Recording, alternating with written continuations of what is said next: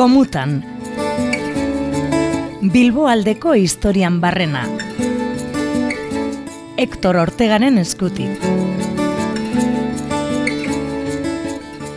Ez da liburuetan ageri, ez da orain arte interneten azaldu, baina horrek ez du esan gura importantea izan ezenik.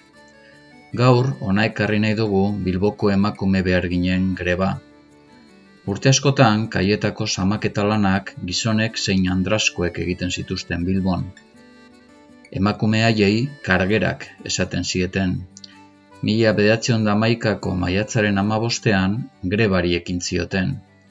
Eta hogei egunez, gogor borrokatu ziren haien eskubideen alde.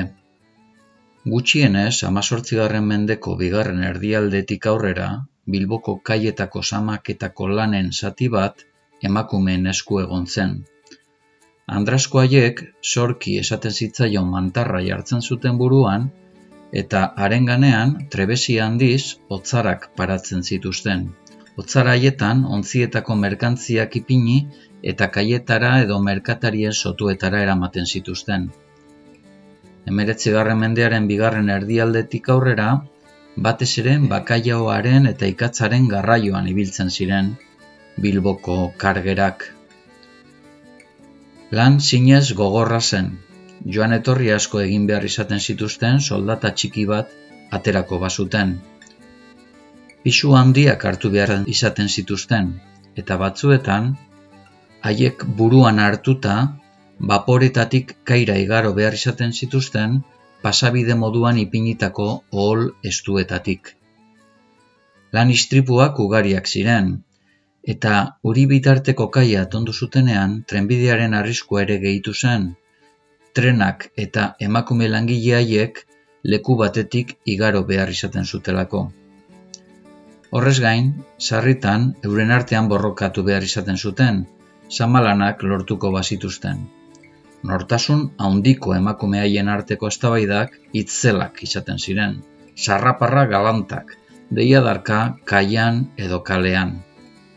Mia behatzion damaikako maiatzaren amabostean, Bilboko kaietan, ikatzaren samaketalanak egiten zituzten gizoneskoek grebara jo zuten.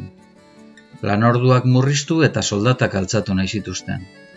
Ugazabek ezetz erantzun zutenean lan egiteari utzi zioten. Sasoi hartan ikatza garrantzia handikoa zen, hala itxas nabigazinorako, orduko vaporetako galdarak elikatu behar zituztelako, nola industria eta etxeetarako ere. Hortaz, greba kondorio zabalak ekarri behar zituen. Kinka hartan, Bilboko kaiko emakume behar ginen elkarteak grebara deitu zituen kargeretako batzuk, alegia ikatzaren garraioan zebiltzanak.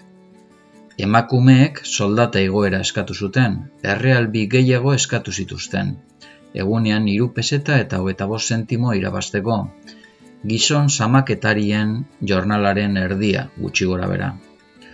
Horrez gain, kargatutako hotzarak bururaino altzatzeko lana gizonek egin zezaten nahi zuten, emakumeentzat alegin izugarria zelako. Ugazabek gizonei emandako erantzun berbera eman zieten andrasko behar ginei. Ezetz. Orduan, kargerek grebari ekin zioten, gogotxu ekin ere. Kaietatik gora eta bera ibiltzen ziren, samak lanik egingo ez zirela bermatzeko eta inguruetako sotoak eta bertatik atatzen ziren gurdiak zaindu zituzten ikatzaren salerosketa ostopatzeko. Istiluak ere ez ziren falta izan, batez ere greba saiestu nahi izan zuten merkatari eta gurdizainekin. Edo zelan be, emakume eta gizon grebalarien jarduna eragingarria izan zen, eta ikatzaren komertzioak geldia arazi zuten. Gatazkaten katu egin zen, eta istiluak ugaritu egin ziren. Ekainaren zeian, adibidez, berrogei emakume taketak eskuetan zituztela azaldu ziren San Francisco kaleko biltegi baten. Bertan, ikatzaren deskargan ari zen ugazabari eta langileari, oiuka, sakaka eta are joka ere hasi zitzaizkien, lana bertan bera utzi zuten arte. Udaltzainak agertu ziren eta emakumetako bi atzilotu zituzten. Bitartean, goizeko zeiak aldera, Irurogei bat kargera pikete moduan ibili ziren, deustuko olabeagako kaian, lanik egiten etzela bermatzeko. Txapelokerrek sakabanatu zituzten. Arratsaldean ere, gurdi bi ikusi zituzten herripako kaian ikatza kargatzen. Kargerak berehala saldu ziren, taketak eskuetan berriz ere. Hala ere, argitu zietenean ikatza miserikordiako umezurtzen zatzala, bake eman zieten. Emakumeak, berreun baino gehiago, ledesma eta enau kaleetatik barriatu ziren. Gerotsuago, albiako lorategietan, istilu galanta eratu zen. Emakumeek garraioan zetorren gurdia geldiarazi zuten, guardiak gurdizaina babestera joan ziren, eta auskan hasi ziren batzuak eta besteak emakumeak eta txinalak. Harik eta saldizko txapelokerbi, espatak eskuetan dinbidanba hasi eta emakumeak sakabanatu zituzten arte. Poliziek sortzi emakumea txilotu zituzten eta gutxienez sei zauritu. Prentzaren arabera, honako hauek izan ziren.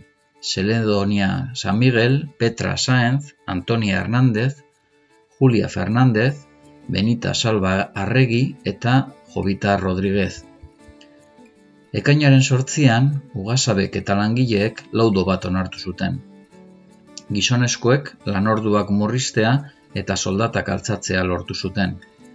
Emakumeek erreal bateko igoera erdietsi zuten eskatutakoaren erdia, baina garaipena zen. Biharamunean, Basko Andaluza enpresak akordioa onartzeari uko egin zionean, emakume beharginek esesik, larogei gizonek ere uko egin zioten enpresa horrentzako samak eta lanak egiteari. Borroka latza eginez, kargerek soldata apurbeta altzatzea eta elkartasuna nabarmen zabaltzea lortu zuten.